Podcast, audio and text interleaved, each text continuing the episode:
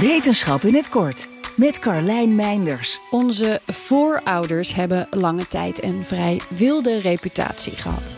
Met hun primitieve gereedschap jaagden ze op vlees en spraken van een taal was er niet echt. Maar steeds vaker vinden onderzoekers bewijs voor een veel verfijndere manier van leven.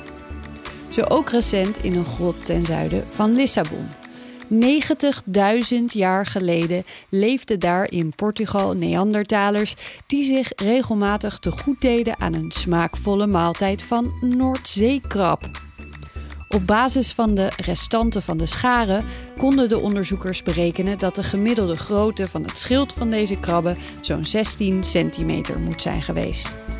Dat ze echt door de Neandertalers zijn gegeten, baseerden ze op de aanwezigheid van gereedschap, een haard, brandwonden op de schilden en de manier waarop de dieren waren opengebroken. Dat liet dus ook zien dat de krabben niet alleen werden gegeten, maar ook eerst werden gekookt. Op een temperatuur van 300 tot 500 graden konden ze bepalen. Ook vis, kokkels en mosselen moeten op het menu hebben gestaan.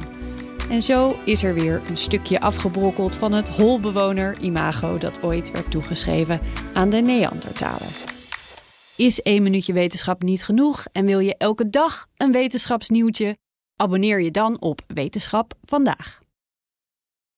Ook Liesbeth Staats vind je in de BNR-app. Ja, heel handig. Luister live naar Kees en mij tijdens de Daily Move. Dan blijf je ook gelijk op de hoogte van breaking news en het laatste zakelijke nieuws. En daar vind je ook alle BNR-podcasts, waaronder de Perestrooikast. Download nu de gratis BNR-app en blijf scherp.